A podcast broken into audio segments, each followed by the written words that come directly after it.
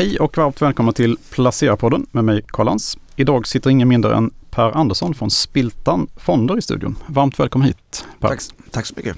Man skulle kunna säga att du är Spiltans superförvaltare och har ansvar för både för Smålandsfonden och Småbolagsfonden. Eh, men först tänkte vi höra lite, vad är din bakgrund? Ja, min bakgrund den är, eh, ja, jag kommer ifrån från Kinna utanför Borås.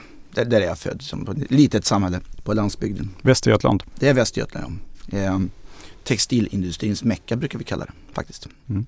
Eh, sen läste jag ekonomi nere i Lund och i, mitt, i början på 90-talet. Och så kom jag upp 94 hit till Stockholm.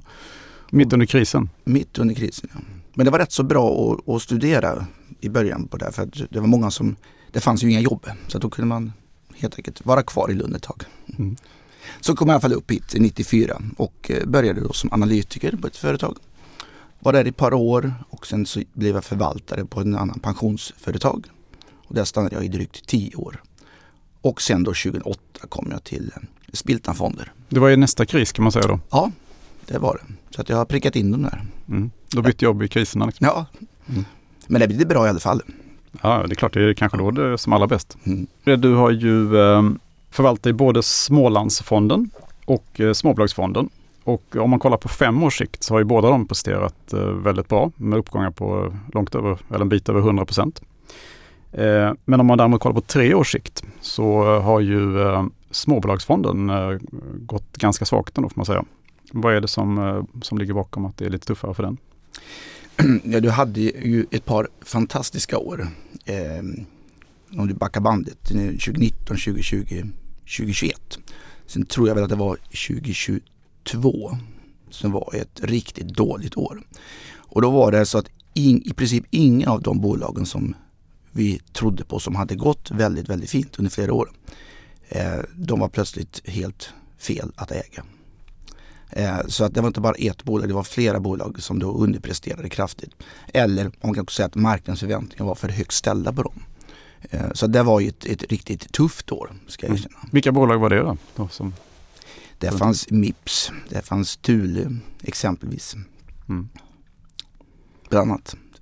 Men det var, det var rätt så brett, så här, bred nedgång. Eh, men om du tittar på, på småbolagsfonden framåt här då. Hur, eh, vad finns det som kan vad talar för att, att småbolagen kan gå bättre här från den här nivån? Ja, dels småbolag har ju lite lättare kanske att växa än stora bolag. Om vi tar generellt varför vi tycker om, eller jag tycker om småbolag. Eh, det är helt enkelt matematiskt. Att det är enklare för mindre bolag att kunna få en bra tillväxt eh, än ett jättestort bolag. Eh, och sen så vad som är väldigt intressant med mindre det är att du kommer ju närmare företagsledningen varenda gång. Så du kan ha direkt kontakt med vdn, med finanschefen Eh, om du exempelvis skulle, vi skulle försöka att träffa ja, AstraZeneca så kommer vi inte fram och träffar eh, vdn för det här företaget. Det är för stort. Och det gör också att du, du kommer närmare bolagen, lär känna bolagen bättre och eh, får helt enkelt en, en, mer direkt kommunikation. Och det gör också att man kan, eh, ibland tycker jag, eh, känna, känna att det är mycket, man, man har en bättre kontroll på ett mindre bolag på det sättet än på ett jättestort bolag. Sen finns det ju risker med de här mindre bolagen. Det är ju att eh, de täcks inte av alla analytiker på marknaden. Så att när det kommer en kvartalsrapport så kan det ju slå väldigt mycket i resultatet. Och marknadens förväntningar, eh, om de ens finns ska jag säga, på vissa bolag täcks inte alls. Då, då kan ju kursen den kan gå upp kraftigt men den kan också gå ner kraftigt. Så där har man då risken. Men fördelen är att du kommer väldigt närmare bolagen. Är du ute mycket och träffar de här ledningarna eh, personligen så att säga? Ja, det gör vi. Mm. Eh, vi, vi, vi, gör väldigt många företagsbesök och, och numera, sen, sen pandemin så säga, så har vi lärt oss att kunna köra de här via Teams exempelvis. Så det innebär att du kan avverka väldigt många fler bolag på väldigt kort tid. Mm. Du behöver alltså inte resa till Malmö, eller Göteborg eller Västerås eller vart vi nu ska någonstans. Mm. Och, och, det är under förutsättning att vi har, har en etablerad kontakt i med bolaget. Skulle vi investera i ett nytt bolag då vill vi ju träffa dem på riktigt så man skapar en viss känsla och, mm. och ser kanske då om, om de har en produktionsanläggning. Mm. Jag är lite nyfiken på det. Jag tänker att ni, det, här, det här viktiga att man då är, är fysiskt på plats och, och träffar bolagen och, och ser det med egna ögon. Vad är det man tittar efter då? Det, finns det någonting som är så här, kan vara varningssignaler liksom för att investera i ett bolag om ni, om ni skulle besöka ett helt nytt bolag? Och... Ja, det finns det och det, det är ju det är lite, vi vet säkert vi är lite Warren Buffett-fans men eh, om det är stökigt, är det stökigt ute i fabriken, om det är en sån typ av företag som har en produktionsenhet, eh, ser det, ser, får man en känsla av att de som jobbar där ute inte verkar ha kul rent ut sagt. De kanske står bara och pratar, det verkar vara, det ligger skräp på golvet. Alltså, det är sådana saker som Toaletterna är inte rena. Toaletterna är inte rena. Alltså det, det, det, är viktigt. Det är svårt att sätta en siffra på det men du får en känsla mm. av hur det sköts. Så säg att man får en rundvandring då på, eh, i fabriken. Eh, då är det ju oftast inte vdn som sköter den rundvandringen utan då är det en någon som jobbar som är produktionschef eller någon liknande. Och där märker man också huruvida personen, eh, hur den talar om företaget. Mm. Så att det, är, det är jätteviktigt det har hänt att ni inte har gjort investeringar för att ni har sett någon konstig signal under de här eh, fysiska träffarna? Då? Nej, det kan jag inte komma ihåg att det har hänt faktiskt. Jag tror att bolaget har försvunnit eh, tidigare i vår investeringsprocess faktiskt. Så mm. vi har inte ens kommit dit så långt. Mm. Och när det är som allra bäst då, hur ser det ut då liksom, på bolagen? Då är det rent och snyggt och det är, ja, du man kan, talar väl om bolaget? Och... Ja, du kan ta Bufab, du kan ta Troax som två exempel bara på eh, otroligt välskötta bolag och det är rent och, och snyggt och man ser också hur, hur ordning, ordning och reda på allting. Mm. Så att eh, det är bara två exempel som är väldigt välskötta. Jag tänker på det när man kollar på innehaven i, eh, bland de största innehaven i småbolagsfonder ska säga, så eh, har ni mycket av det man kallar för um, serieförvärvare. Ja, det stämmer. Hur kommer det sig? Att, Nej, om vi säger så här att bolag som har någon slags strukturell tillväxt eller kan tillföra någonting unikt är ju bolag som vi tycker om. Och de här serieförvärven som vi har tycker vi ju är väldigt, väldigt duktiga på att just köpa bolag inom den här nischen eller de vertikalerna som de existerar i. Men sen det som är avgörande nästan där det är att de låter de här dotterbolagen eh, leva sitt eget liv. Det vill säga att organisationen är väldigt decentraliserad. Så de går inte in och köper upp bolag och sen går in och ändrar allting. Utan de låter, oftast är det familjeföretag, det är en generationsskifte som har skett. Många gånger jobbar grundaren kvar ett tag, Eh, ett par år. Så man låter liksom företagen leva sitt eget liv och kriteriet när de förvärvar det är att det ska passa in i den strukturen. Som exempelvis Lagerkrans eller om det är Adlife eller vad det nu är för bolag. Mm. Hur kollar ni på incitamentstrukturen då för de, eh, de uppköpta bolagen så att säga? För det är väl också viktigt att de känner att de är med så att säga och, och tjänar på Ja, och de, de, oftast har de ju någon form av incitamentsprogram. Det kan ju variera och det är inte alltid man får veta för att alltså vissa bolag av de vi äger har ju väldigt många dotterbolag. Eh, men men de, de sitter ju i samma båt. Mm. Och det är ju också så att i de fallen, och det gäller alla bolag egentligen, men om ledningen också det, det, tycker vi om att ledningen har ett, en ägarandel i bolaget. Eh, det är ju alltid plustecken tycker vi för då sitter vi alla i samma båt helt enkelt. Vi, man vill ju ta hand om sina egna pengar och, och, och kunders pengar. Mm. Hur hanterar ni annars risken när det gäller småbolagsinvesteringar eh, om vi jämför med att investera i större bolag? Ja, den, den, den, risken som jag tror du menar det är ju alltså, volatiliteten helt enkelt oftast. Ja. Den är ju större. Och egentligen så tycker väl inte vi att, eller jag, att det är något större problem. Det är kanske något man kan utnyttja snarare? Ja, faktiskt. Men alltså, för att det är ju inte så att eh, Eh, pengarna försvinner bara för att kurserna rör på sig. Eh, däremot får man ju tänka sig, tänka sig för i så sätt att uh, man inte ska bli nervös och tycka att oj, nu har det gått ner mycket. Vilket kan hända ibland. Utan man får se det på lång sikt helt enkelt. Men, men det, det riskmåttet är ju det är vedertaget eh, så sett. Ehm, men jag tycker nog att det finns väldigt mycket andra risker i, i bolag. Och återigen, om man kopplar tillbaka till att vi kommer de här bolagen mycket närmare än ett stort bolag. Så jag tycker man tar bort mycket av de riktiga riskerna.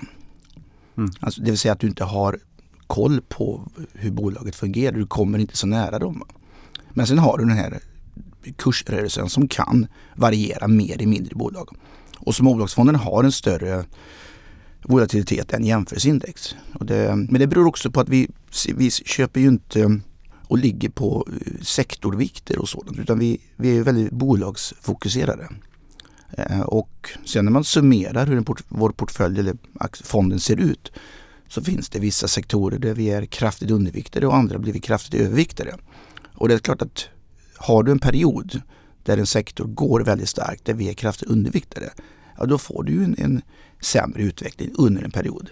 Mm. Men över tiden så brukar detta rätta till sig. Det är i alla fall vad vi hoppas på och tror på. Jag tänker på det, vi, vi pratade om att du gillar serieförvärvare. Finns det några andra sektorer inom småbolagssegmentet som du, som du tycker om? In, in, inte sektorer som sådant, för då är vi tillbaka på att vi letar bolag. Men vi kan ta ett sådant bolag som Mips som mm. har haft och har Hjälmspecialisten? Ja, de gör ju inte hjälmar Nej. men de gör ju det här skyddet inne i, skyddet inne, rotationsskyddet in i hjälmen. Ja. Eh, och där har vi ett bolag som är dels en balansräck som är urstark, de har nettokassa. Eh, de har en produkt som absolut, jag tror behövs och kommer behövas ännu mer framöver. Och de har gått in i byggmarknad nu också, vilket för närvarande är väldigt dålig. Men det finns också stort behov att ha bättre hjälmar inom, inom byggsektorn. Eh, och de har cykelhjälmar och eh, skidhjälmar och motorcykelhjälmar. De har ju en enorm tillväxt och de har ju tagit marknadsandelar hela tiden. Eh, och det som jag brukar få höra ibland det är ju att deras patent när det går ut, men eh, att det skulle vara en fara och att det kommer upp massa konkurrenter. Men det patentet är ju ett grundpatent. De har ju jättemånga tilläggspatent så att min bedömning är att eh, man kommer att säga, när man använder ordet MIPS, så kommer det bara vara som att det ska bara finnas på en hjälm. Och merkostnaden för en hjälm med Mips lilla klistermärke på sig är inte stor för slutkunden. Men som sagt var just nu har de då lite problem och det beror på att det är, det är sämre konjunktur. Och det var stora lager efter pandemin. Så de får ju inte sålt några det säljs inte mycket hjälmar och då säljs det inte mycket säkerhetsprodukter i hjälmen heller. Mm. Men det är det jag tänker, alltså, min invändning mot Mips skulle ju vara då att det är ett, det man kallar för så kallade enproduktföretag då. Eh, och att det skulle vara den största risken med, med Mips just. Ja, Men, och det är faktiskt det är, det är roligt du säger det. Så resonerade vi första gången vi tittade på Mips. Mm. Då, då, tog vi, vi valde att inte investera för vi satt och diskuterade väldigt länge. Nej, det är en produkt. Eh, och det kan man ju säga att det är fortfarande. Men i och med att de har breddat sig så mycket så det är inte bara cykelhjälmar utan de är på massa olika områden och expanderar in i andra områden. Så tyckte vi till slut, nej men det här, det här är bra. Mm. Ja. ja, vad intressant. Mm. Mm. Har du något mer, mer exempel? På bolag som jag tycker mycket om? Ja, ja Thule har vi ett bolag. Ja, Malmö, Malmö baserat. Ja. Eh, och, och, det är också ett, ett otroligt välskött bolag. Starkt varumärke. Man har också gett sig in på lite olika områden. Många tror att det bara är takboxar och takräcken men, men det är ju det är både resväskor eh, och övriga produkter man har nu. Eh, har också haft lite tufft senaste åren. Ja, men det har kommit tillbaka och det har kommit tillbaka mycket bättre än Mips. Och, och det beror på att Mips säljer ju till hjälmtillverkaren och, och, och sen ska ju återförsäljaren köpa av hjäl hjälmar av hjälmtillverkaren och sen ska konsumenten handla. Så det blir fler lager. Eh, I Thules fall så går det rakt ut till butik. Alternativt om du själv köper på nätet. Eh, så de har återhämtat sig snabbare men i princip var det samma problem där, att det låg väldigt mycket på lager. Men, men eh, det man glömmer med Thule ibland, och det gäller även Mips men framförallt Thule, det är ju att Sverige är en jätteliten del. Vi tänker ju alltid på, eller många tänker på takboxen och då tänker du på sportlovet. Och det är, det är Thule. Exakt, ja. ja. Men eh, utomlands, alltså jag tror Sverige är bara 3% av omsättningen. Utomlands använder man ju ett, man använder mindre bilar och takboxen är ett sätt att få mer utrymme att packa bilen. Så det är inte bara en vinterprodukt men i våra ögon så är ju en takbox, du ser inte många svenska bilar med takbox på, på sommaren. På sommaren nej. nej, det är sant. Så att, och det, det, glömmer man ibland. Naturligt är ju ett, ett, globalt företag. Ja, har du, har du ytterligare något, eh, något intressant exempel från Småbolagsfonden? Lagerkrans. Ja. Som vi, nu är vi inne på serieförvärv. Ja, ja. Jag eh, tycker det är ett väldigt fint bolag. De köper ju upp, de äger ungefär 70 olika bolag idag. Eh, och de har de här karaktärerna, som, eller karaktären vi tycker om. Med, låta de här förvärvade bolagen leva sitt eget liv. Eh, de har då nådde väl en miljard i vinst förra året och ska dubbla den eh, framöver på fem år. Det innebär i, i snitt då 15 vinsttillväxt. Och aktien har gått 344% på fem år. Ja, det går, det går väldigt bra för dem. Eh, och de har ju de har ett rörelsemarginalmål på, om jag inte missminner på 25 procent. Och där är de inte än. Alltså det finns nog en del kvar. Men hur ser värderingen ut idag då? Den är ganska dyr eller? Den är ganska dyr och det, det gäller många av serieförvärven, alltså, i alla fall av de vi äger, att de är rätt så dyra. Mm. Eh, men jag brukar säga så här att det här med dyr och billig, det är klart att man får se till bolagets intjäningsförmåga. Men många tycker ibland att man ska sälja det som är dyrt och köpa det som är billigt. Men om man gör det så enkelt så är det lätt att man köper dåliga bolag. För dåliga bolag som inte har en bra lönsamhet eller bra tillväxt, de ska ju vara billiga. Så man får vara, tycka lite försiktig när man tittar på vad är dyrt, vad är billigt. Mm. Jag måste se på hur, hur, fint bolaget är och vilken lönsamhet det har. Mm. Okej, men Lagercrantz är den, du, den av serieförvärvarna som du tycker är mest intressant just nu kanske? Eller? Ja, vi har ett nytt innehav också. Mm. Som också är, som är ett Adlife. Okay. I miniatyr. Ja. Det heter Advice. Okay. Mm. Och det är ett litet bolag, det är kanske börsvärde på 2,5 miljarder. Uh, men de förvärvar också inom då ja, som så fint kallas eh, life science-området, men alltså medicinsk-teknisk utrustning till laboratorier och till övrig sjukvård. Eh, och där har vi en VD som tror jag äger en 6-7 procent av bolaget. Och, och det tycker vi är, ser väldigt, väldigt spännande ut faktiskt. Och de lever också efter precis samma koncept som de övriga för, serieförvärvarna. Att låta de förvärvade bolagen leva vidare i sin egen form. Sen får man ju support från moderbolaget givetvis med strategier och rapportering och sånt. Men i övrigt så får de leva vidare för att när de köper återigen inte bolag som går med förlust. De köper vinstdrivande bolag som passar in i, i deras struktur.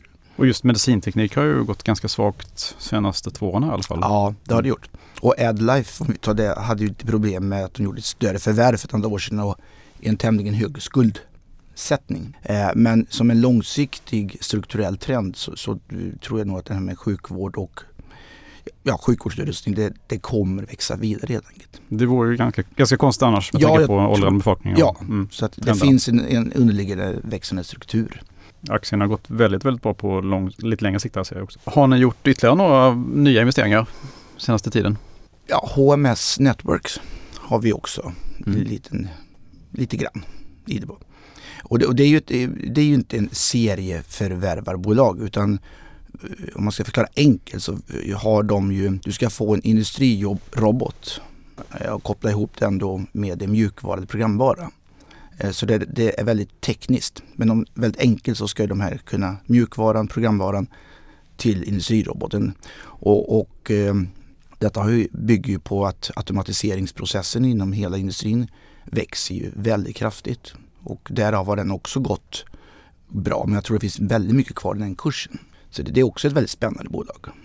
Så vi, vi, har tittat på det väldigt länge för så kan det vara hos oss att vi, vi har bolag på radarn. Sen kan de ju vara inte de har gått för mycket för snabbt ibland och då får man avvakta.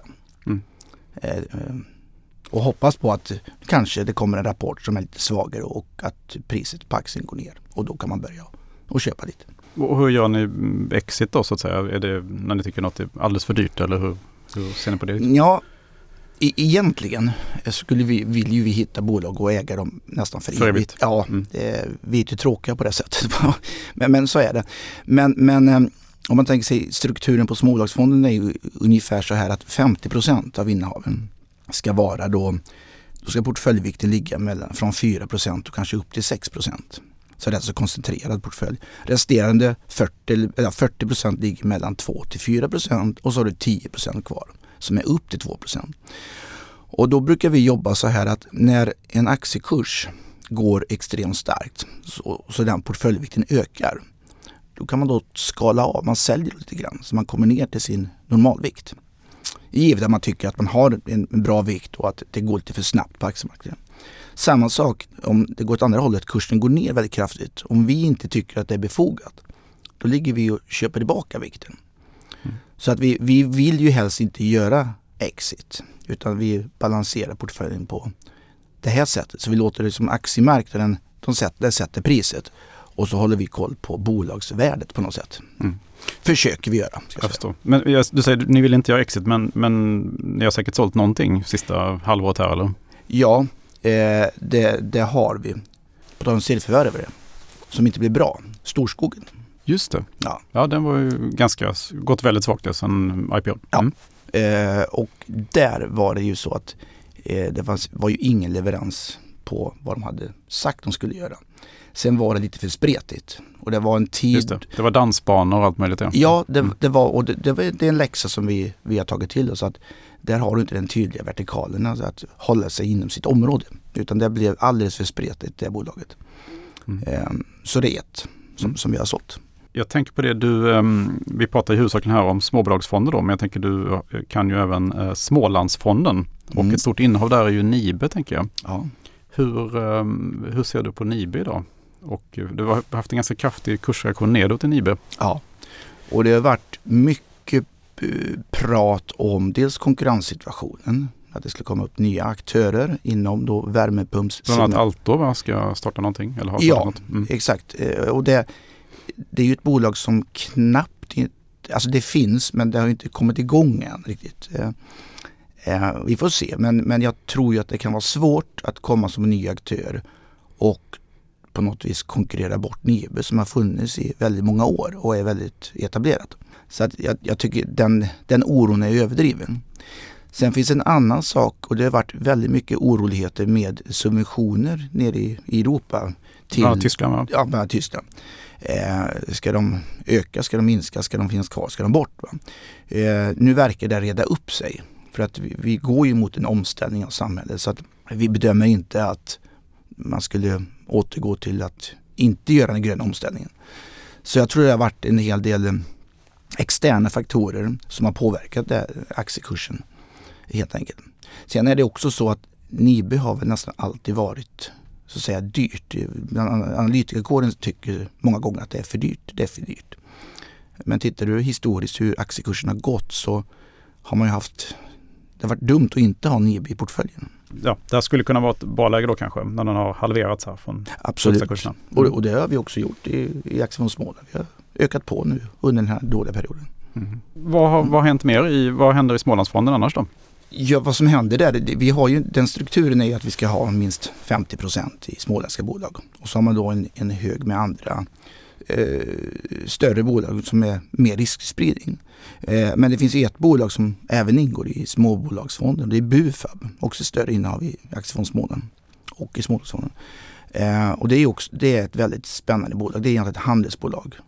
Eh, som, om man ska förenkla hur det börjar, man köper in skruvar, muttrar och eh, mekaniska fjädrar och sådana små, små saker och så säljer man det vidare till en kund. Som behöver det till sin, vi säger Husqvarna behöver det till sin gräsklippare. Men idag är det ett företag som helt enkelt, de köper fortfarande in med produkterna men de ser till att kunden får rätt produkt i rätt tid och till rätt antal. Så det är en hel logistikkedja. Eh, och så var det inte så länge sedan som de höjde sitt rörelsemarginalmål från 12 till 14 procent. Och de ska också dubbla vinsten på fem år. Helt enkelt. Och det är familjeägt också? Ja. Mm. Så det är ett, ett eh, ja, väldigt, väldigt fint och välskött bolag. Och om man tänker efter att de kan ju inte tjäna de här, den nya målet på 14 procents rörelsemarginal. Det skulle de inte få tjäna om inte deras kunder kan tjäna ännu mer på att inte göra detta jobbet själv. Mm. Och det visar de också sina kunder att hur mycket de svarar på att inte sitta och köpa in de här småsakerna. Mm. För det, det, en, det, tar en oerhört lång tid, krävs massa människor och så blir det kanske fel i alla fall. Va? Så det är mycket bättre att ha en leverantör som typ Bufab då som sköter allt detta. Och Bufab är största innehavet just nu i eh, Smålandsfonden. Jag tänker du har eh, näst största innehavet är ju Torsten Janssons skapelse New Wave. Mm. Hur ser du på den nu? Den har också gått lite svaga här i början på året i alla fall. Ja, mm. det har den gjort och eh, det finns lite olika förklaringar. Dels det är ju mest det är profilkläder bland annat. Eh, och så är det gåvor och inredning och sådant. Och eh, vad som vad de flesta alltid säger om New Way Group det är att de har för stort lager.